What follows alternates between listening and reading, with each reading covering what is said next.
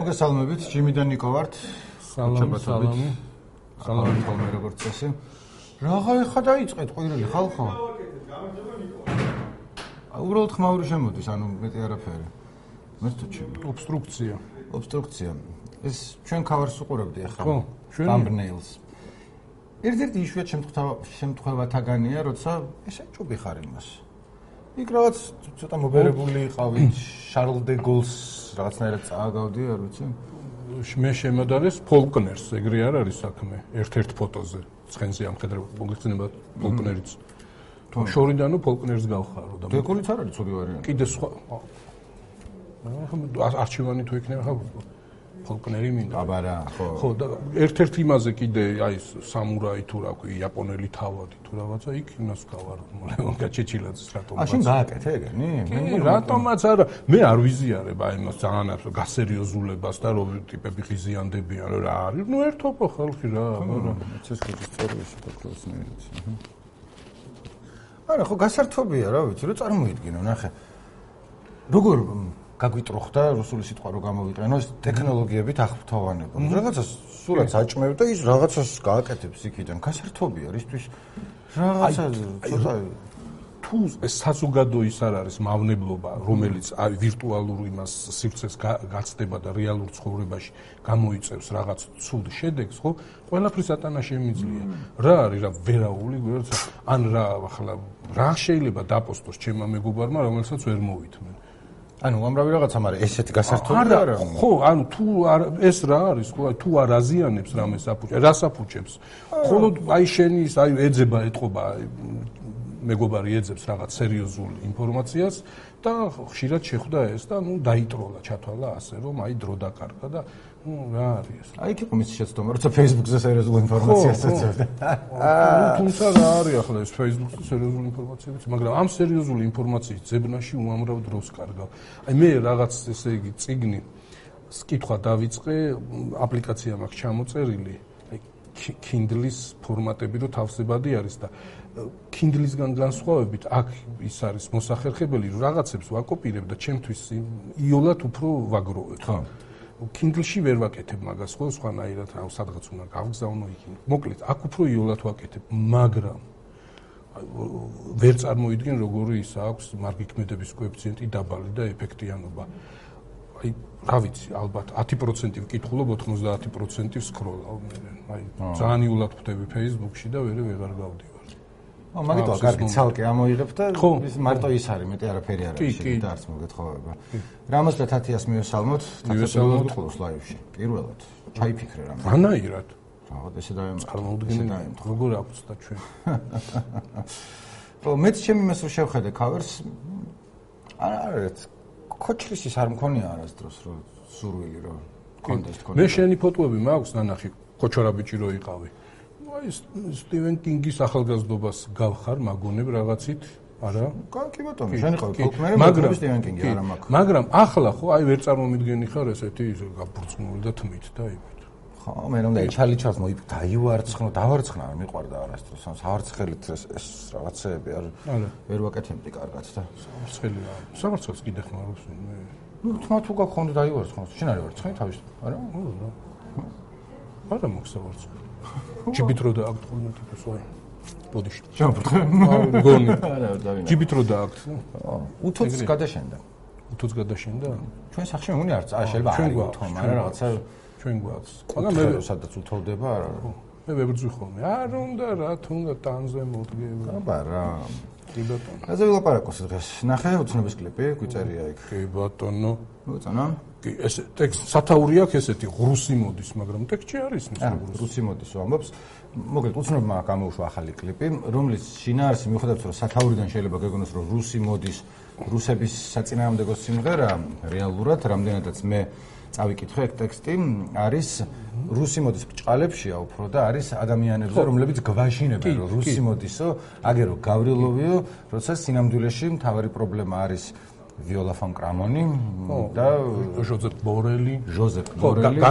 ძალიან ესეთი პრიმიტიული, მარტივი. ნუ შეიძლება სიმღერისთვის მისაღები, მაგრამ მაინც ესეთი პრიმიტიული. სიმღერი ან რატომაც აქ დავაწერეთ, არის ჟოპა ნანანა. ხო, ჟოპა ნანანა და ეს არის აი თან ხო კონსერვატორობაზე დებენ თავს ეს. უამრავი ტრაკია კლიპში. ხო, მე შევწუხდი. ხო, აი ბოის რედაქტორი. აი ამდენი რა. ეს არის დღევანდელი ფსევდო კონსერვ როგორც ისინი გვეძახიან როგორი ლიბერალებიო, ვითომ ლიბერალები თუ ფსევდო. ფსევდო ხო აი კონსერვატორების სახე. ხო იცი რა არის მხოლოდ არტისტი რო იყოს მხოლოდ არტისტი რო იყოს ნუ გავატარებდით არაფერი. აი ძალიან დარე ესთეტიკა რა ვიცი ეთიკა ეს ვერანაირ იმას ვერ უძლებს კრიტიკას ხო მაგ გავატარებდით მაგრამ ჩვენ ხვდებით ხო ვინ არის სადმუშაობს რა პოზიცია აქვს რა იდეების იმას ახდენს გენერირებას ხო გავატარებით რომ რაღაც მდარე იუმორი, მდარე სიცილი, მაგრამ ეს არის სახელმწიფო სიცილია, ხო? აი მისი სახით, ხო? აი ის მხოლოდ თავის თავს არ გამოხატავს. დაახლოებით ეს არის, აი დღევანდელი ეს მართველი ელიტა ამაზე იცინის. ხო, აჩვენებს რაზე იცინი რა ის შენ შინაგან სამყარო შენ ზღირებულებებს. ევროპულად მიდის მასტურბაცია. ხო, აი მე ეს არ დავიზარი ახლა ამას არ წავიკითხავ, მაგრამ რაღაცები არის აქ. ხო, ყველაფერს ეხება ის რაც დღევანდელი დღის წესრიგშია, მაგრამ ყველაზე საყურადღებო ამბავი არის ესა, უყურე გეკითხებით ვინა ვარ და სადა ვარ მე? ქართველი ვარ? არა მაშა სადამე ურტყავს იმას რომ აი ზურაბ ჟვანიას ის ცნობილი განცხადება რომ მე ვარ ქართველი მაშა სადამე ვარ ევროპელი. აი ასეთ რაღაცებს და მაგით დაწყებული არ არის თავის დროზე მომისმენია ეგ ეს რომ მე ვარ ქართველი და არავით არის მაშა სადამე ხო მესმის ხო? ევროპულად მიდის მასტურბაცია ნუ ხო და ჟოპანანანა ჟოპანანა და აი ამ იმაზე ხო აი რაღაც იაკობ გოგებაშვილის იავნანადან აი ამ ჟოპანანამდე მივიდნენ ჩვენი ასე ვთქვათ კონსერვატორები და მეგობრების კედელზე ესეთი ასეთ დისკუსიას წავაწყდი რომ ეხლა არ მოგწონთ უცნობი ანუ ეხლა დაინახეთო მისი სახეო მანამდე ხო ის იყო და მე მგონია რომ ძალიან დიდი განსხვავება ანუ გემოვნება რაღაცა მოგწონს არ მოგწონს სხვა საკითხია მაგრამ არის განსხვავება ზემდგომების წინააღმდეგი ლაშქრებ თუ ზემდგომების პოზიციიდან პროტესტი ხარ თუ ხო ანუ ძალაუფლების ოპოზიცია ხარ თუ ძალაუფლების მხარეს ხარ ეს არტისტისთვის ესაა გადამწყვეტი ხო? იმიტომ რომ მე არც ის ტექსტი არ მომწონს და ანიბანი ხარ თუ განიდონი შენზე პირად ვიცი უცნობის ტექსტები რომელიც ხო მესმის და არც კირკით კერკეთ ცოტა ავი იმაჩნდა რომ კარგი ტექსტია მაგრამ იმ წუთას იყო ქვევიდან ზევით შეძახილი რომელიც ხაღარ იწებ მე რა რომ აბა ჩაძიებას ამას შეიძლება არ მოგეწონა მაგრამ უფრო ვაშკაცური საქციელია, ვიდრე ზევიდან რო დგეხარა, ჰე, მოვიდნენ ესენი. ხო, რასაკვირველია, ისედაც ჯერ ბუნებრივი არის, რომ არტისტი იყოს პროტესტის ხმა იყოს, ხო, შეიძლება მოსაწონი, არ მოსაწონი, მაგრამ ეს უკვე მე ფიქრობ აუცილებელი პირობა არის ეს ხო? აი რა რა არის ის? ის რასაც ლაპარაკობს მთავრობა რასაც იმეორებს რის ტირაჟირებასაც ახდენს იმის კიდე გამრავლება ხო? აქ ხო გეუბნები ყველა კლიშე რაც აქვს დღეს აი პროპაგანდას ყველაფერი აქვს გამოყენებული.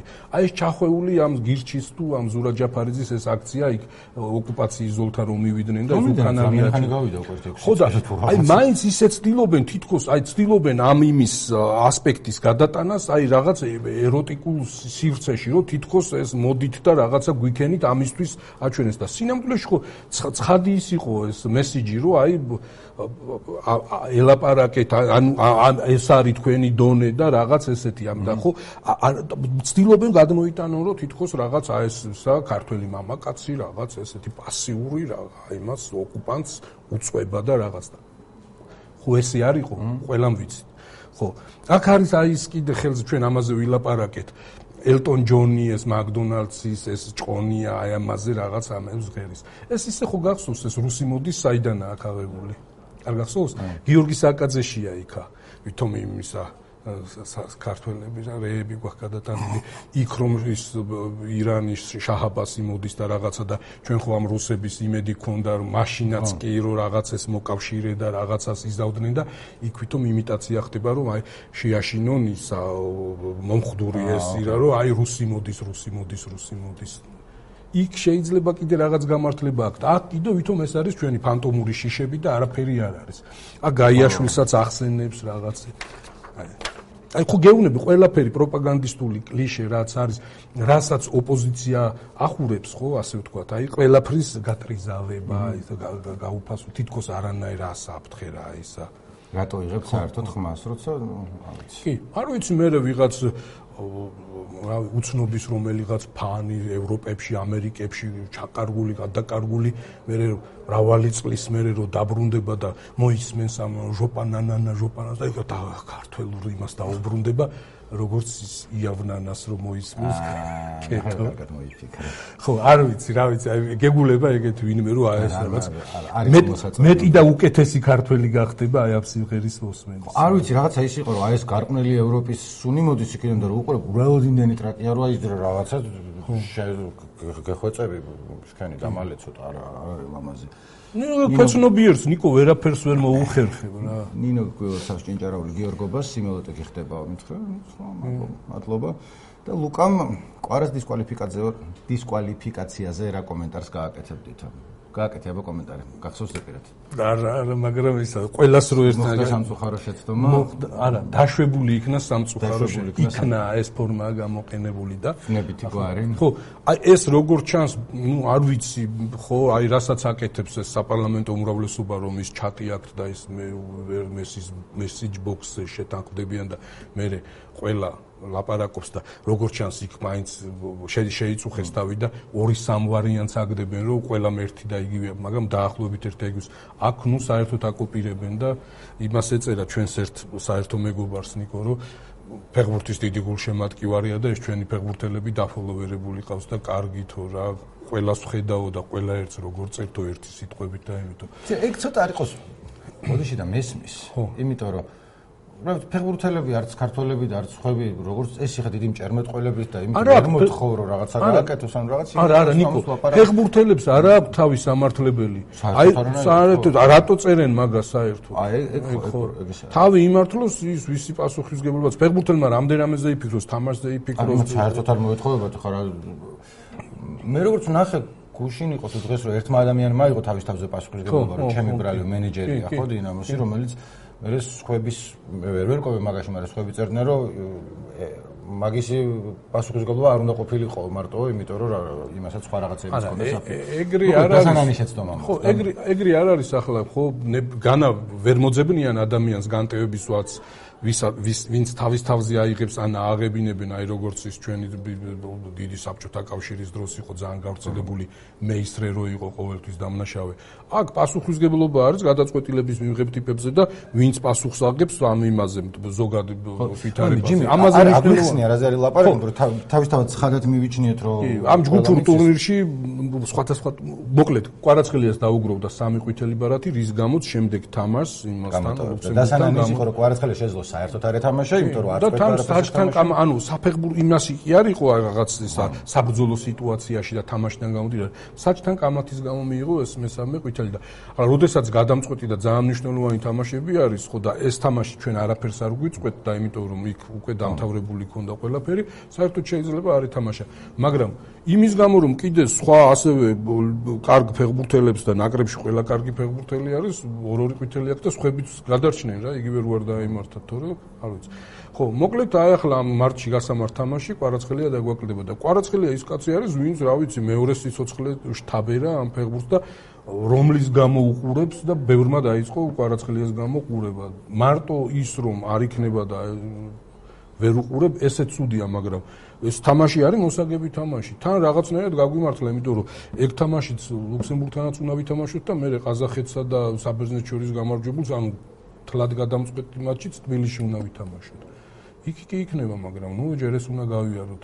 მაგრამ აი რაღაცნაირად ეს ქართული ფეხბურთის კრიზისზე მეტყველებს ის რომ ახლა ლუქსემბურგზე რომ ამდენი ლაპარაკია რომ მოუგებთ თუ ვერ მოუგებთ. ო ის ჩემი სიტყვა უკან მიმაქ, ანუ ერთი მგონია რომ ალბათ გუნდის პიარია უბნება ხოლმე ისას თავის ფეხბურთელებს გინდა ბარსელონა იყოს და გინდა საქართველოს ნაკრები რომ ეს ესე თქვი იმიტომ რომ რავი რა ვთქვა ეკითხება მაგრამ კოპი პეისტი ჩასმა და რაღაცა ის რომ მართლა ფეხბურთელები გამოდიან რომ ბოდიში ხდიან რომლებიცაც საერთოდ საბოდიშო არა ამ კოპი პეისტით ჩასმას ხო?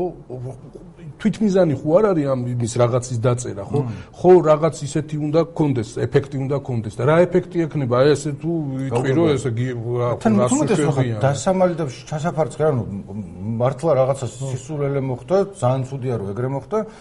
და ფეხბურთელებს მე მგონი მან უკეთესი მესიჯი იქნებოდა რომ ძალიან გული დაწვა მაგრამ ვეცდებით რომ არ დავაკლოთ სკვარაცხელიას არ ყოფნა მოედანზე და რაღაცა ორმაგად აქ უკვე ნიკო ის არის აქ საინტერესო მომენტი არის რომ კობიაშვილი ვიდრე ფეხბურთის ფედერაციის პრეზიდენტი გახდებოდა და ნაკრებთან დაკავშირებით რა ხდება ყველაფერი არის ფედერაციის პასუხისგებლობა და სფერო სანამ ფეხბურთის ფედერაციის პრეზიდენტი გახდებოდა წინა შემადგენლობას ფედერაციის ხელმძღვანელობის აკრიტიკებდა ზუსტად იმის გამო, რომ კანკავას ქონდა რაღაც ინციდენტი, აი ამ ვერ და ამ მენეჯმენტის რაღაც სწორად გამოტოვა თამაში და იქ ითხოვდა ძალიან რადიკალურად, რომ აი კაცრი ზომების გატარებას და ნუ იგივე სიტუაციაში შეროხარ მე სხვანაირად ხედავ ვითარებას. ეხლა კამეჩი გამახსენეთ იმას ვარდების რევოლუციას მოუბრუნდებით ცოტა ხანში აუცილებლად. წინა გაცემის კომენტარებს წავიკითხავ იმიტომ რომ როგორც აღმოჩნდა ახალი მიმია რომლის დროსაც მე საკუთარი აზრი არ ამაქვს და არ გამოვთქვამ და ხო წავიკითხავ კომენტარებს და მაგეთ ჩვენ არ გაურბივართ არა არ გაურბივართ. ან წინა გაცემაში ვლაპარაკობდით კიტოვანის სიკვდილის გარშემო. და რამდენი თქვა ერთი კომენტარი ქვეყანა დააქცია მაგრეგორმა და დღესაც ვერ ხვდებით? ნიკო, რამდენი წელი გჭირდება კიდევ სიმართლე რომ დაინახო? აა მეორე, ნიკო, თავსი კატუნებ თუ მართლა ვერ ხვდებით რას ამბობს ჯიმი? ნუ თუ დღეს კიდევ ვერ ხვდებით რა მოხდა? ძალიან ლმობიერი ტომი გაქვთ ასეთი უღირსი ადამიანების მიმართ. ამ გადაცემას ჭირდება ორი ჯიმი, ნიკო სტაბილურად სისულელეებს ლაპარაკობს. და ნუ რა არის? ხო. ხო, კიდე ნიკოს საერთოდ თავისი აზრი რატო არ გააჩნია? ძალიან გამაღიზიანებელია. ნიკო მე ვწერ მოგონი მაგებს. როგორიც აი შე რო ამბობდი აი რაღაც იზმა ვნახე და ჩავიწებ. მგონი მე ვდგები ხარ და ვწერ და მე აღარ მაქვს. და ლეონმა ნიკო კიტოვანი თამაშობდა თუ არა რუსულ თამაშს ნაადრევი ამაზე ლაპარაკიო, ტიპი გონზე არაა საერთოდ და აზრს აფიქსირებს, როგორ ფიქრობ ყველა რუსეთში რატომ გარბოდა ემიგრაციაში? როგორ ფიქრობ ასლანა რატომ არის რუსეთში დღემდე? პირდაპირ მართული იყო რუსეთიდან და ამაზე უამრავი არგუმენტი, მემუარი, მედროების ნამსჯელი, იარაღის პირდაპირ მიწოდება და ასე შემდეგ. ეხლა მოდი აქედან დავიწყებ, რომ რაზეა ლაპარაკი. ახლად ახლა მოიცათ მომისმინეთ. ის რომ შეიძლება მიიჩნიო, რომ კეტოვანი ან რაღაცა ირიბის ამხილებით რომ აი ნახე მე ეს მოხდა ეს რუსეთს აწყობდა კი ბატონო. ის რომ აქ ადგილზე რუსულ ჯარებთან კონდათ ურთიერთობა, ამაზე შენ ცილაპარაკე და სადაო არ არის, მაგას ძალიან ბევრი რაღაცა იხსენებს. ის რომ კრემლიდან იმართებოდა თუ არა, ვინ გამორიცხავს ოხელი? ანუ თავისუფლად შეიძლება, შეიძლება არც აი მაგისი ზუსტად რო გადაჭრეთ თქვა რომ ეგრე იყო, არ ვიცით. მაგრამ მაგის მიღმა მაგას ჩემთვის გამწყვეტი მნიშვნელობაც არა აქვს, ანუ კრემლის დავალებით გააკეთა ცუდი საქმე ადამიანმა თუ თავისი კეთილინებით კი აქვს მნიშვნელობა, მაგრამ ნუ რა ვიცი, შედეგი თვალსაზრისით შედეგია.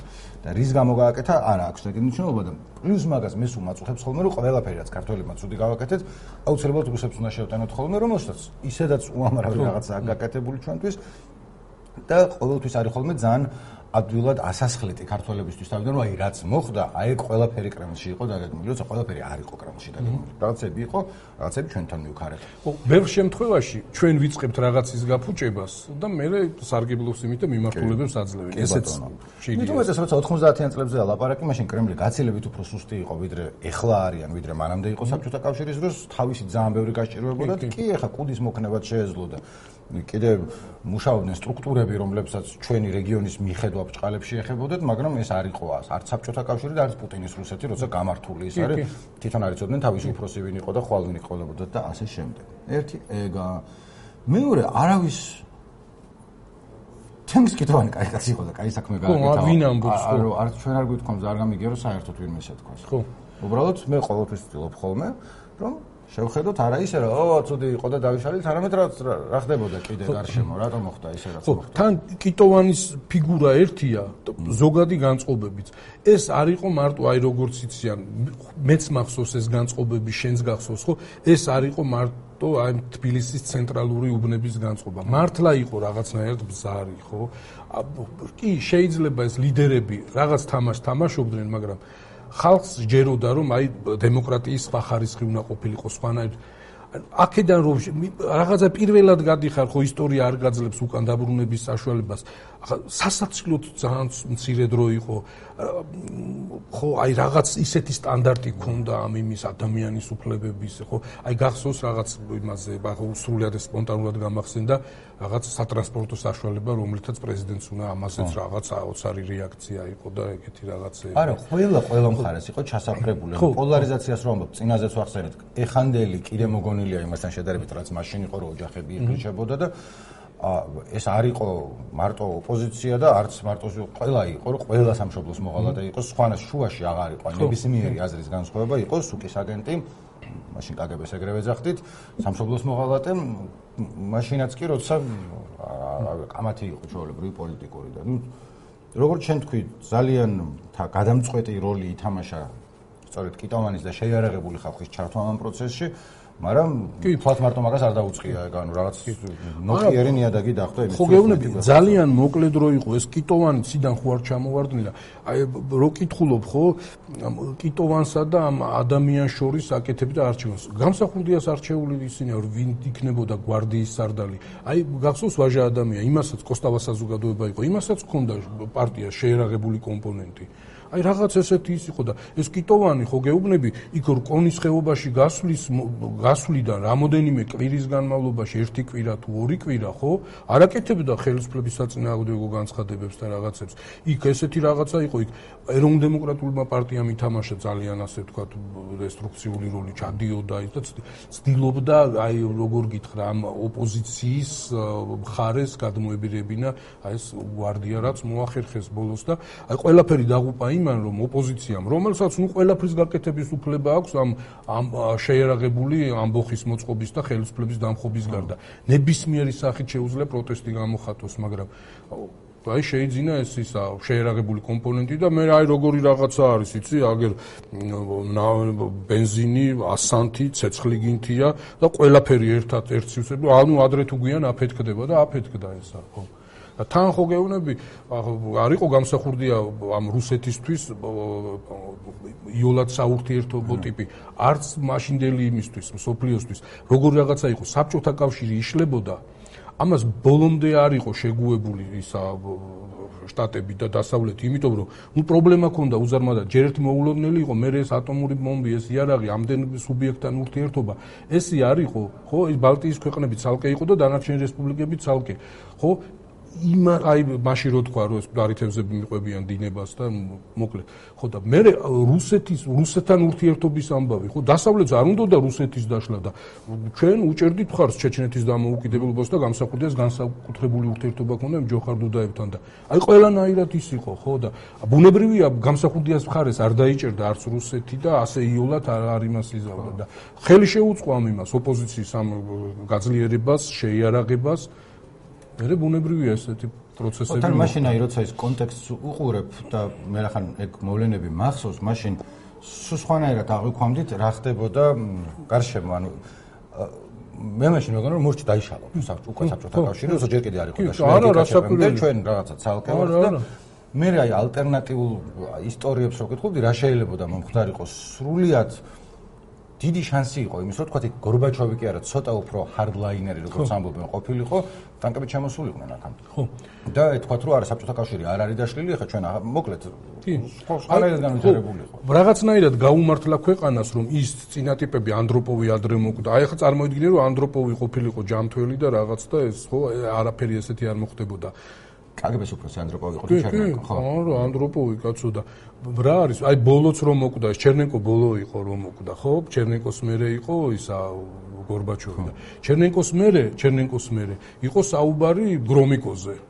ხო ხტები ა გრომიკოც ძალიან ეგეთი მძიმე ტიპი და სტალინის დროინდელი კადრი და რაღაცა ხო?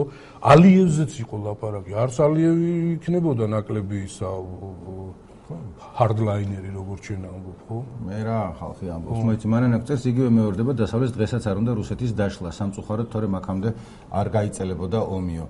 მე მგონია მანანა რომ აი შეიძლება აქაც გულბრყვილო ვარ თუ რა ვიცი რაც ქვია, მაგრამ ა გადაჭარბებულია ხოლმე როლი, როდესაც ამბობენ ჩემი აზრით, მაინც როგორ წყვეტს დასავლეთიან სოფლიოს დიდი ძალები სხვა ქვეყნის ბედს, იმიტომ რომ რომ მოუნდეთ რასიზმი რა. ხო.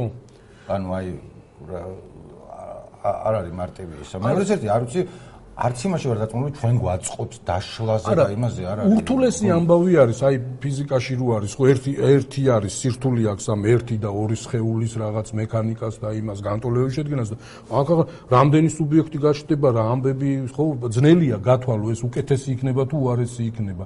ამაზეა ლაპარაკი და თან იმას ინტენსივობასაც ხო აქვს მნიშვნელობა. მოკლე დროში იქნება თუ დროში გაწელილი. ხა თუ დროში გაწელილი იმას ავიღებთ შორს იმას მიმავალ სტრატეგიას რატო ყველაფერს აკეთებენ რომ დაიშალოს ხო? არ ეხმარებიან უკრაინას არ აიარაღებენ ამთავრებენ ომს ახლა წარმოიდგინე დასავლეთმა რომ დახმარება შეუწყვიტოს. აი მაგალითად როგორც ორბანს უნდა და რაღაცა მალე დამთავრდება ომი და ამარცხდება უკრაინა.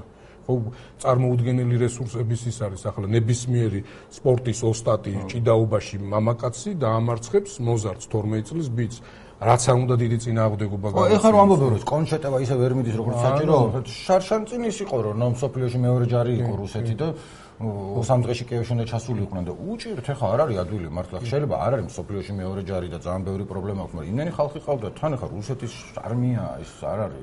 აი ხო გეუბნები, კი ბატონო, თან აი ახლა ხო ერთადერთი ქვეყანა არის, აი ჩინეთზეც კი ვერ იტყვი, ხო, რომელსაც მილიარდ ნახევრიანი მოსახლეობა არის, რომელიც არ ითვლის სხეულებს და სხეულებზე დგას, ხო?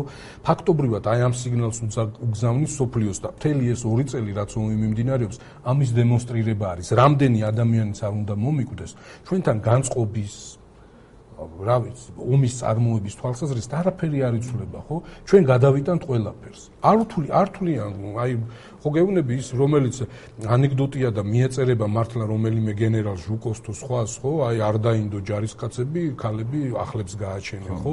ну აი ეს ამას აკეთებს ხო და როგორ გინდა ასეთ ქვეყანას აი ესე შენ რაღაცნაირად განჭრეტა და ის აქნა დაუპირისპირდე დაშალო არ დაშალო უფრო მიაწვე არ მიაწვე ხო? ფრთხილად ეკიდები. ლიანა წელს კაგებამ დაიწყო ყველა უტვინო ოპოზიციონერი თავის პირველობისთვის იბრძოდა მოусმინეთ მათ დღეს და ყველაფერს მიხვდებითო. რა არ ვიცი ვინა დაიწყო როგორ ხა იმაში მე მგონი დღესვე ყველა აღიარებს რომ მართლაც და არავინ არ გადადოთ ინტერესები გვერდზე და არც სადა დაჯდომა და რაღაცა ქვეყნის სასიკეთოთ ხიდების გაბმა. და ანა ელოდება ჩვენი ვიდეოს ქავერებს და დღევანდელიც ჩაგეთვალათ აჰა. მადლობა რამის. აა ხო, ის გადავიდეთ არა? ხო, ბოლოში გავართ უკვე გასულები და ვარდების რევოლუციის 20 წლის თავი. კი ბატონო, ხო, ძალიან ეს დიდი დრო გავიდა. გუზარმაზარი სტატია. ხო, რომელიც დაიდო გუშვინ. კი ბატონო. სათაურით. ხო, ვარდების რევოლუცია 20 წელი, ვიცენებთ ყველაფერს და ვეცადე რომ ეს დეტალურად და რაღაც წარმოდგენას ქმნის, ხო? კი და ხო, იმეც რომ ჩავხედე, კიდევ ერთხელ გამახსენდა და რახან იმაზე ვლაპარაკობთ, აი ასე ვთქვათ, რომ ისტორიული მოვლენები მსგავსი არის კომპლექსური და შეგიძლია ერთ საათი ილაპარაკოთ სუდ მხარეზე რაღაცებზე რაც მოხდა, ერთ საათი ილაპარაკო კარგ რამეებზე რაც მოხდა. დღეს იყო თუ გუშინ გამახსენდა კეთ სარტანია ისტორიკოსი ჩემი მეგობარია. იმას ქონდა თავის დროის სტატია, რომელიც მე ევრორემონტი იყო გადათამაშებული სხვა სხვანაირად და მისი მოფიქრებული არ არის ფრაზა ევრორემონტის ზუმბას ალბომიდან. მაგრამ მე მგონია რომ კარგად ასახავს იმ დგომას რომელიც მაშინ იყო ვარდების რევოლუციის შემდეგ რომ საჭიროა ევრო ჯორჯია ბეიბიოს საზამღეროდა მაგრამ ნუ ევრო რემონტი ქვეყანაში იმიტომ რომ იმის რემონტზე არ ქონდა ზუმბასაც ლაპარაკი და ამ კუთხით არის დანახული და თან მგონია რომ კარგი მეტაფორაა იმიტომ რომ კარგსაც ნიშნავს და ცუდსაც და ყველანაირსაც. ანუ ევრორემონტი თავისთავადი, ეხლა აღარ არის ეგ ფრაზა მოდაში. თავის დროზე კაი კონოტაცია გქონდა. ხო? კარგიც, მაგრამ ცუდიც. არა, მე მე მალევე შეიცვალა ცუდისკენ. ზერელობა და ზედაპირულობა. აი პლეხანოვს ხო თქვა ხოლმე ხო ძველი კაცი. ნუ ახლა ეგრე მე გოლოვინი და ისა ხო. ძალიან სასაცილოა ხოლმე აი ეს ახალი თაობის რომლებიც ნუ ამ უკვე დამოუკიდებელ საქართველოს შეიძლება დაბადებული და ძველებივით რომ აი პავლოვზე და იქ. მაგრამ ზოგმა დაკარგეს მარქსის მოედანზე გავიდეთ და ო სათი ხო მარქსის მოედანი ვიღაცას წერდა ამ დროს და იმიტომ გამოსენდა. ხო და მოკლედ ეგ ევრორემონტი კარგი მეტაფორა, იმიტომ რომ კარგსაც დაიწევს, ცუდსაც დაიწევს, ზედაპირულობასაც ნიშნავს, მაგრამ ამავე დროს რომ მისწრაფებას ვერ წაართ მე რომ აი რაღაცა სარემონტო სერიოზულად სარემონტო იყო საქართველოს ვარდების რევოლუციის დროს. კი, იყო. იცი რა არის ვარდების რევოლუციამ ერთ აი როგორი რაღაც არის ადამიანის უფლებების დაცვა არ იყო ამ ვარდების რევოლუციით მოსული ხელისუფლების ასე ვთქვათ თავის მოსაწონებელი მთავარი ფაქტორი, ხო? კონდა ამის ამ თვალსაზრისით, მაგრამ სტანდარტი აი ამაშიც აიწია. ანუ წინა ხელისუფლებას ეს ბევრს არ ახსოვს. იმას არ თხოვდნენ, იმის გამო აქციებს არ უმართავდნენ, რის გამოც რაღაც დაგვესხა თავს. ხო. რის გამოც აი ვარდების რევოლუციის ხელისუფლებას პრობლემებს უქმნებდნენ და რასაც გადააყოლეს. აი მე ახლა შენ გაგეცინება ნიკო და რაღაც ციგნი შემომეკითხა ამ ზაფხულში რაღაც თომ დეტექტივის დაწერას ვაპირებდი ის დეტექტივის მოთხრობის ვერ დავწერე მაგრამ აი ესეთი ციგნი არის პრელობებისა და გაუპატიურებების გამოძიება და გახსნის მეთოდიკის პრობლემები. შოთა ფაფიაშვილი ესეთი ის არის ავტორი ხო და აი ის რედაქტორი არის ვენედი ვენიძე ისა ბენიძე რომელიც რუსთავის პროკურორი იყო, აი ქართულოს ღარიბაშვილი გახსოვს, ძალიან ცნობილი ადვოკატი ჩიბუხ ეგ დააპატიმრა ერთხელ რაღაცის ჩიბუხის მოწესრიგე. არა, არა, რაღაცი თავი ისა ვისაც იცავდა იმისთვის იყო მისულდა, ესეთი ხმაურიანი, ესეთი მებრძოლი ადვოკატი იყო და მოკლედ ეს თვითონ ძალიან კვალიფიციური ეს მე გენერალური პროკურორი. ეხლა გადაგზელებინე პექსიგნი რატო წაიკეთე? ხო, აი გითხარი რაღაც მოთხრობის დაწერას ვაპირებდი დეტექტიურის ხო და აი აქ რაღაც შემთხვევით შემხვდა, მოვინიშნე და აი ახლა გამომადგა უყურე ნიკო. აი წარმოიდგინე 2000 წელი, 2001 წელი, ანუ უკვე ვარდების რევოლუცია უნდა მოხდეს, ხო? აი შვიდობიანი ომი დამთავრებული არის ის ხო რამდენი წელი 10 წლის დამთავრებული არის. 400-მდე უგზო-უკლო დაკარგული არის. აქედან 38 ბავშვი არის ხო? აი და ისა 70% ვერ მოიძებნა. ანუ ხო ხტები თან ეჭვი აქვს რომ მოკლულები არიან და რაღაცა გაუპატიურებები აი წლის განმავლობაში 2000 წელს 70 და ესეთი რაღაცეები იყო ხო? თან ალბათ ერთი ძალიან ბევრი ზონდა გამამრავლო იმიტომ რომ გაუპატიურება ესეთი ასე არა ნაპოვნი ამოუცნობები ამოუცნობი გვამი. 250 წლის განმავლობაში ხო ჩვეულებრივი ამბავი იყო პოლიციის უბნებში ცემა, დასახიჭრება, ფანჯრებიდან ხტებოდნენ. გახსოვს ის შაოსანი დედები, ესეთი ის არსებობდა რაღაც ისა ჯგუფი, რომლებიც ნუ აი მათ საწუდაობი დაიწებოდი, რომლებიც იცოდნენ მკვლელების ვინაობა ის და დადიოდნენ იმას, შიმშილობდნენ საპროტესტო აქციას მართავდნენ. მაგრამ არავის იმას გავშლი, ანუ მანდაც იყო ესეთი ცნობილი ერთ-ერთი განყოფილება, საიდანაც ხშირი იყო ხოლმე პატიმრების თვითკვლობა, რომლებიც ფანჯრიდან ხტებოდნენ. პატიმრების კი არა დაკავებულების პატიმრები არ იყვნენ ისინი ჯერ, რომელზეც ყოველს უშდებოდა შეკითხვა, რომ რატო არ არის სინამდვილეში არ ხტებოდა იქიდან არავინ. ხო, ამბობდნენ. როგორც მაშინ მოვჩა მითხრა ის იყო რომ კი არ აგდებდნენ ეს ეჭირათო და მე ზოგს გაუვარდებოდა ზოგს არ გაუვარდებოდა რაღაც მოკლედ აბსოლუტური ქაოსი იყო მაგ კი. ახლა ჩვენ ხო აი ციდან ჩამოცვენილები არა ვართ უბანში გვაქვს ხო შეხება ზოგი ასე ცხოვრობს ზოგი ისე ცხოვრობს და ვისაც ქონია ამ სამართალდამცავ ორგანოებთან რა პრესები გაუვლიათ და ცემის მეთოდები და ხო მოკლედ არც ერთი სახელი გვარი არ არის შემორჩენილი ამათი ნაწამები მოკლული დაკარგული იმის არ არ იქცა ფენომენად რის გამოც რაღაც პროტესტი. ჩვეულებრივი ამბავი იყო. ჩვეულებრივი ამბავი იყო უშუქობა უგაზობა ის ის ხო და აი სტანდარტი აიწია ამ ხელში მეთქი ამის თქმა მინდა. კი ქონდათ ადამიანის უფლებების და საშინელებები რა ის ფაქტები მაგრამ არც ერთი არ დარჩა რეაგირების გარეშე. ამაზე მოეთხოვათ ბოლოს პასუხი და ამის გამო გაუშვა ხო ხალხმა? ეს თავის დროზე არ მახსოვს ვინ კითხულობდა ის სწორედ ამ განსხვავ განსხვავებას აღწერდა, რომ აი რატო აი ამ წინა ხელისუფლება იყო სისხლიანი, როდესაც კვირაში ერთხელ პატიმარი ვარ. არაფერი არ იყო, მაგრამ მე მგონია რომ ძალიან დიდი მნიშვნელობა მან თქონდა აღქმას, არ ვიცი, ცინიკურობის თუ ირონიის თუ ორპირობის წინა ხელისუფლებიდან ვარდების რევოლუციის შემდეგ, იმიტომ რომ ისინი სხვა პირობით მოვიდნენ და შემდეგ გზადაგზა სოციალისტ ამას არაფერი სხვა პირობები იმათ პროგრამები რო ნახო იმათაც ჰქონდათ პირობები მაგრამ არც მოლოდინი არ იყო არც გაუკეთებელი იყო მაგას მომბრო პატრულის რეფორმის არა არა იმათ შემთხვევაში თორე იმათაც ჰქონდათ დაპირებები აი ესეთი ესეთი სლოგანი ჰქონდა 99 წელში იმიდან სტაბილურობიდან კეთილდღეობამდე. არც სტაბილურობა არც კეთილდღეობა არ მოიტანა ხო და დაპირ ხო და იმათგან არ ელოდებ აი როგორი რაღაცა მაგას მომბრო ხო ერთ ეგრეც მომბრო იმათგან ხო დაპირებას ყველა იძლევა აი ვიღაც ასოციალური ტიპი არის რომელიც ყოველდღე გამოდის იქ ცოლს ცემს იმას ცემს რაღაცას ფანჯარას ამტრევს და და შეგუებული ხარ ამ ამბავს აღარც უთვლი რა გააფუჭა იქ კოკა გატეხა თუ ის წყალი არ მოიტანა თუ რაღაცა და უცბად ეს სხვა ღირებულებებით სხვანაირი მიდგომებით სხვანაირად შეფუთული სტანდარტი აწიეს მეთქი და იმ იმ სტანდარტს ვერ მიაყოლეს ეს ადამიანის უფლებების დაცვა ხო? აი წინა იმაზე ალბათ შარშანი იყო როგორი წლის წინ როცა ამაზე ვლაპარაკობდით რაღაც ერთი ამბავი გამახსენდა და ეხა კიდე მოყვები თავიდან რომელიც ჩემი აზრით მაგას კარგად აღწერს. აი მახსოვს პატრულის რეფორმა რო დაიწყო, თავიდან იყო საჯაროდ იყო გასაუბრებები პოლიციელობის მსურვილებთან. ანუ ის ყოფილიყავი და ერთი იყო ტელევიზორში აჩვენებდნენ თვითონ მიშა იჯდა, ბანუ მერაბიშვილი იყო, კიდევ ვიღაცეები და ერთ-ერთი შეკითხვა იყო, რომელსაც თვითონ მიხელ სააკაშვილი უსვამდა, რომ აი ოქროაშვილიც იქნებოდა, იმიტომ რომ პატრული მე მგონი ხო არა? მერაბიშვილი იყო თავდაცვის მინისტრი მგონი მაშინ. ანუ იმ კონკრეტულ იმაში თავდაცვის მინისტრი რა ყოფილა მოკლედ იყო რა. ანუ რა რა საკეთებდა არ მახსოვს, მაგრამ აი ეს მახსოვს რომ თქვა თუ აი მიდიხარ რომ ministri იყო რაღაც. არა, შინაგან საქმეთა ministri იყო, მაგრამ რას ვამბობ, ვანომდე იყო ისა ოქროაშვილი, მაგრამ მაგ დროს რას აკეთებდა ვანო თქვა? არა, არა, რაღაც შიშროების საბჭო და რაღაცები. კი ბატონო, მოკლედ ეს შეკითხვა მახსოვს რომ მე შეეკითხება მსურველს, რომ აი თქვა თუ მოდიხარ რომ მანქანითო და დაინახეო რომ ვანოსო მერაბიშულსო გაუწყრა ღმერთიო.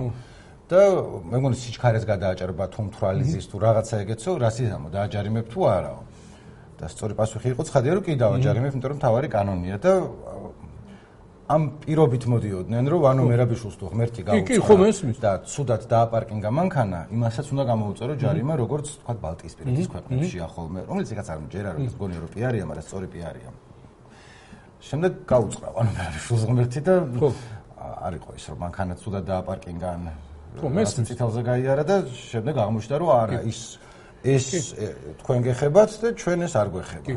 და აი განსაკუთრებულად ნერვების მომშლელი იყო. არა, წინასარჩენო დაპირება, არამედ ის რომ მომენტში დაიჯერე რა, რომ კაი, თუ ყველა მაგას ვაკეთებთ, ვიყო. ხო, ანუ სტანდარტი აწიეს, დაგვაჯერეს, ისე იქცეოდნენ რომ უნდა დაგვეჯერა კიდევაც, ხო, და მე რაღაცნაირად ვერ გაკაჩეს.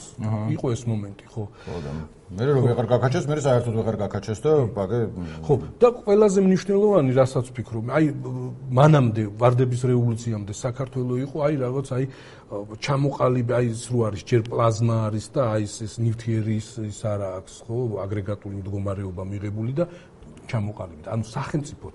აი რო ამბობენ ხოლმე და ღიზიანდებიან ხო კი ხო რამდენჯერ შეიძლება ითქვა დამფუძნებე საქართველოს თანამედროვე საქართველოს დამფუძნებე სახელმწიფოებრიობის ნიშნები, ინსტიტუციები, ხო, ну, შეიქმნა მაგ დროს. აი დარწმუნებული ვარ, ხო, რაღაცნაირად აი ეგ თან რაღაცნაირი შანსიც იქნა. აი ალტერნატივა ისტორიის. ახლა მე იმისე მომივიდა ისერ დავამთავრე და აქეთ დავიწყე, ხო? მოკლედ, ისეთი რაღაცა გაკეთდა, ხო? აი მე შევადარებდი ველოსიპედის გამოგონების აი მას მასშტაბს. ახლა სიტყვაზე, ხო, ის ინსტიტუტები რო გამართულად მუშაობს და ვიღაც ტიპები იყენებენ და და იუსტიციის სახლი და ის და თავს იწონებენ, ხო? ეს არის ველოსიპედის მართვა. ის არაფრისგან იყო რაღაცის გაკეთება. მე მაშინ გაზეთი ჟურნალისტი ვიყავი და მიწევდა აი ეს სასამართლოებზე სიარული პროკურატურებში, პოლიციაში, უფრო მეტად გახსნილი იყვნენ ურთიერთობის თვალსაზრისით, მაგრამ ვიცოდი ვის რა ხელფასი ქონდა. აი წარმოიდგინე გუბერნატორს ქონდა 160 ლარი ხელფასი, მინისტრსაც დაახლოებით ამდენი, სამხარეო პროკურორს ქონდა 100 ლარზე ნაკლები ხელფასი. აი პირდაპირ კორუფციის აი გარემო იყო აი როგორ გითხრა რომ აი შეხვიდე ჭაობში და იქიდან ფეხი არ დაისვა ხელი არ გაისვა. ესეთი ამბავი იყო ხო? ყველაც აი ზურაჭია ბერაშვილს ეწერა გადასარევი წერილი ხო? სადაც რო აი ყველა არ სახელმწიფო არ იყო ინსტიტუციები არ იყო ყველა ჩალიჩობდა თვითონ რაღაცა თავისთვის ეშველა. აი მე ვქონდა მაგალითად ეს ახლა პატარა ბავშვები მყავდა და ესეთი პურის ქარხნის დენი მქონდა გამოყვანილი და უბედნიერესი ვიყავი ორი მრიცხველი მეყენა სახში ერთი ის რაც სახელმწიფო და მეორე ეს კერძო ისა ხო? და ამას ვერც გძნობ იმიტომ რომ აი მიდიხარ არ დამთავრდებოდა ეს არასოდეს აი რაღაცნაირად ხო აი აი ველოსიპედის გამ იმიტომ რომ ვერ მანკიერი წრე იყო ყველა გზა იყო ამორტიზებული, ყველა ისა კომუნიკაციის საშუალება იყო დაწყვეტილი და ხვდები რომ ამას ჭირდება უზარმაზარი ფული. ფული არ არის, ხო? ეს გასაკეთებელია. რანაირად უნდა მოაბა თავი და ეს იწევდა ამ იმას ფრუსტრაციას, ხელების ჩამოყრას, არაფერი არ ეშველება. საოცარი მასშტაბის პრობლემები იყო, ხო, კრიმინალი, ეკონომიკა, აი ხო გეუბნები არც თვლიდი ვალდებულად ნიკო თავს რომ გადაგეხადა აი მახსოვს ეს რომ იმართებოდა. პენსია იყო 7 ლარი მე 14 ლარი. საპროტესტო აქციები რომ იმართებოდა რომ აი გაზი გამოუშვით დენი გამოუშვით და ისა ხო? აი და როგორ იცი რომ არ იხდის ხალხი და ისა და რატომ უნდა გადავიხადო? აი ჩვეულებრივი ამბავი იყო და იყო აი უზარმაზარი პრობლემები ახლა არჩევნებზეც რო ვთქვა ორი სიტყვა. ანუ ორი სიტყვას მეც ვიტყვი რომ ერთი კიდე რაც ქონდა აი ვარდების რევოლუციის შემდეგ რაღაც ხანი გაყვა და შემდეგ აი რამაც გამოიწვია ფრუსტრაცია იყო რომ მომენტუმს ამბობენ ხოლმე და ვერ ვთქვით ქართულად ვერანაირად რა ვიცი განცდა იმისა, რომ აი ეხა მოიცა სადღაცა იქ ვიყავით, ცოტა ჩიხში, ცოტა ჭაობში და რაღაც ხანი ეხა წინ მივდივარ და ეს იყო არა მაინდა მაინც მარტო ან რაღაცა მიშა სააკაშვილის დამსახურება ან თუნდაც დიდწილად მაგისი, ანუ ყოველს თავისი როლი ქონდა, მაგრამ რაღაცა წელიწად ნახევარი, ორი წელი იყო ეს საყოველთაო მათ შორის იმათ იმათში ვისაც არ ევასებოდა არც მიშა და არც ზურა ჟვანია მოკლედ მაინდა ის ზოგადად განცდა იყო რომ აი არ ხარ რაღაცა უცებ დავიძარეთ რომ გაჩერებულიდან რომ წახვალ და მსგავსი რაღაცა ცოტა ნაკლებად მაგრამ ერევანში ვიყავი პანდემიის დაწყებამდე რაღაც თეთრი აი ფაშინიანი ცოტა მოსული იყო და ჯერომი არ ქონდა წაგებული და იქაც აი რაღაცნაირად არ ვიცი რა შეიგრძნობა რა რომ მიდიხარ რომ იქ ბევრს ვიდაც ველაპარაკი არ მოწონდა ფაშენიანი მაგრამ აი რაღაც ცვლილების თუ დაძურის თუ აი დაგუბებული რო წავა იმისგანც და იყო. ხა ალბათ აღარ არის ეგ არც იქ და აქაც მალევე მერე ბევრმა სხვადასხვა რაღაცამ განაპირობა რომ შეწყდა. მაგრამ აი ეგ ეგ кайფი მაგისი რომ აი რაღაც ქვეყანა გამოვიდა. აი ჩვენაირი ახალი დემოკრატიებისთვის სომხეთის ჩვენთვისაც ხო აი ამ აი ამ მასშტაბის მნიშვნელობა აქვს ხელისუფლების ცვლილება ზოგადად. ხელისუფლების ხშირი ცვლილება არის ძალიან მაგარი რაღაცა, ხო? ხო შეიძლება თვისებრივად აი რაღაც ესეთი ყოველ ჯერზე არ იყოს ესეთი გამრღვევებისა, ხო? მოვლენა, მაგრამ მაინც წინ გადადგმული ნაბიჯი არის, მაინც წინ გადადგმული ნაბიჯი არის და ის განცდა იყო რასაკვირველია, რასაკვირველია იყო განცდა. ხო, რისი თქმა მინდა, იცი ნიკო, აი ის თვითონ ხო, აი შენ ამ მომენტუმი ხო, არჩევნები სამართლიანად რო ჩატარებულიყო, აი ეს პარალელური დათვლა, მაშინ ეს პირველად ჩატარდა პარალელური დათვლა. მანამდე ტარდებოდა აი როგორ იცი, ბრმად ფაქტობრივად, რასაც ცენტრალური საარჩევნო კომისია დაგითვლიდა, აი იმას ის უნდა გეჭამა, რასაც მოგაწვიდა და იყო ძალიან ჩარევა დასავლელი მეგობრების, აი ეს ბეიკერი იყო სახელმწიფო მდივანი, რომელიც შევარდნაძის საგარეო საქმეთა მინისტრობის დროს იყო მისი კოლეგა და სხვა. ну მოკლედ აი ბეიკერი ჩამოვიდა მთელი ზაფხულში, რჩევებით და მთელი ამბებით და მისი ამ ჩამოსვლის ერთ-ერთი შედეგი იყო ეს ეგზიტ პოლები და პარალელური დათვლა. პარალელური დათვლა, რომელიც არჩევნების, რა ვიცი, აუცილებელია, როგორც ბიულეტენის ხუთი ჩაგდება მნიშვნელოვანი, ასევე პარალელური დათვლა, ნუ როგორი რაღაცა, აი რა რა გითხრა ნიკო, ექიმთან მიხვიდე და ეხოსკოპია ანის რაღაც არ გაგიკეთონ, ეგეთი ამბავი არის. ახლა რომ ბუნებრივად მიგვაჩნია, მაშინ ეგრე არის ხო და აი ამ პარალელური დათვლის ხო რა შედეგიც აჩვენა, იყო გადასარევი. ძალიან მაღალი ამაზე მაღალი ბარიერი არ ყოფილა. ესეც სარიშვილის ინიციატივა 7%-იანი ბარიერი იყო. რამდენმა იმან გადალახა იცი 7%-იანი ბარიერი? ნაციონალურ მოძრაობამ ახალი საქართველოსათვის იყო მაშინელი მართველი პარტიის ბლოკი. ის ის 26 ამან გადალახა ახალი საქართველო. ლეიბორისტებმა 17% აიღოს ბურჯანაძე დემოკრატები ეს ჟვანია ისა ზურაბ ჟვანია და ეს ნინო ბურჯანაძე 10% აღორძინება ასლან აბაშიძის პარტიამ 8% ახალმა მემარჯვენე უყურე 7% პარლამენტი იქნებოდა როგორი ძლიერი რა აიყურე? 1 2 3 4 5 6 7 ის იქნებოდა. ხართა მართლა იმის ხალხის და საზოგადოების წარმომადგენელი პარტიები. 7 პარტია იქნებოდა 7% გადალახო მაგრამ ნუ გააყალბეს იმიტომ რომ ეს გაყალბება ყველაფერს რო თავიდანებო ამ პარალელურ დათვას. აჭარაში ხო 280000 ამომრჩეველი ყავდა დარეგისტრირებული და 270000-მა აღორძინებამ და აღორძინებას გადაყვა შევარდნაძის ასლან აბაშიძის პარტიას გადაყვა ეს შევარდნაძის ისა მე აი ეს ცესკოს ისინი ხო 2-3%-ის ცდომილებით იგივე შედეგები არის და განმეორებით რომ ჩატარდა მე მარჩი ჩატარდა არჩევნები. სად იყო ამის ნახევარი ამორჩეველი არ იყო აჭარაში და ეს ხო თავდაყირა და დადგა. სულ არის მე ეს შეთქმულების თეორიების ნიკო ვინ იდგა უკან. არის აი მე მგონი შუაზეა გაყოფილი საზოგადოება ზოგი ამბობს ამერიკა, ზოგი ამბობს ეს რუსეთი, აი ეს ივანოვი რო იყო ჩამოსული. ეს იგორ ივანოვი იყო აქ საქართველოსში და ახმეტელი დედა ყავს თუ რაღაცა და მოკლედ იქ იყო საგარეო საქმეთა მინისტრი და შევარდნაძის ministrobis დროს იყო რაღაც ჩინოვნიკი და შევარდნაძე მოკლედ ჩამოსული იყო ამ ვარდების რევოლუციამდე და აი ეს აქვს ხელზე დახვეული რომ რუსეთი პრიმაკოვიც თბილისელი ეგ ჩარეული იყვნენ და იმ იმას მგონი შევარდნაძესაც აქვს მოგონებები და სააკაშვილს აქვს ამ ძალის გამოგვიძებაში იქ რო იყო ჩამოსული ძირითადად ასმევდნენ იქა შევარდნა და იქ გადამწყვეტი მოლაპარაკებები რო შედგას, როდესაც შევარდნაძე გადადგას და საერთოდ ოთახიდან გააგდო შევარდნაძე, რომ მოიცაკაცა იქ დამელუნდეს. და მაგისი ალტერნატივა მესამე, რომელიც შარშან წავიკითხების ქონდა ინდიგოში იყო, მგონი სამი მოგონება ვარდების რევოლუციის შესახებ და ერთი არის ძველი სტატია აღონთ. ერთი არის გიგაბოკერიასი, ერთი ნინო ბურჯანაძის და ერთი არის ეროსი კიცმალიშვილის, რომელიც ну, ეროსის ნამდვილად არის, რომ მაგას ვიცენებ და ჯენიორში არა ვარ ბოლომდე დარწმუნებული, რომელიც გაცილებით უფრო საინტერესოა ვიდრე და ჯენიორი.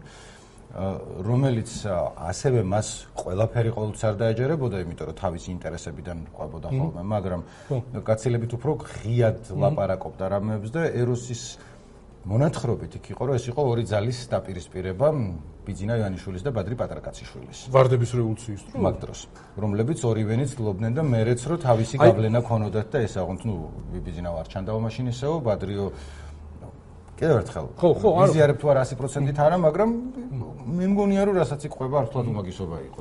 ყველა ჩვენს მეგობარს კოლეგას ვაჟა თავბერიძეს აქვს ამერიკის შეერთებული შტატების მაშინდელი ერჩის რიჩარდ მაილსთან ინტერვიუ აქვს გადასარევი არის სადაც ნუ ამაზე ეკითხება ვაჟა ჩარევებზე და რა დონის მონაწილეობა ქონდა და არ არის ესე რომ აი ხო რა ინტერესი ქონდა და ხო დემოკრატიის ხარისხი, აი ისეთ რაღაცა, ისეთ რჩევებია, აი ეს პარალელური დათვლა და ის კი მესმის რომ ხელისუფლების შენარჩუნების თვალსაზრისით გირთულდება. აი რაღაც წესები რომ უნდა დაიცვა და ისე და ის შეინარჩუნო ძალაუფლება, ძნელია. თუ ამას უძახით ჩვენ ჩარევას, ხო, ნუ ჩარევა.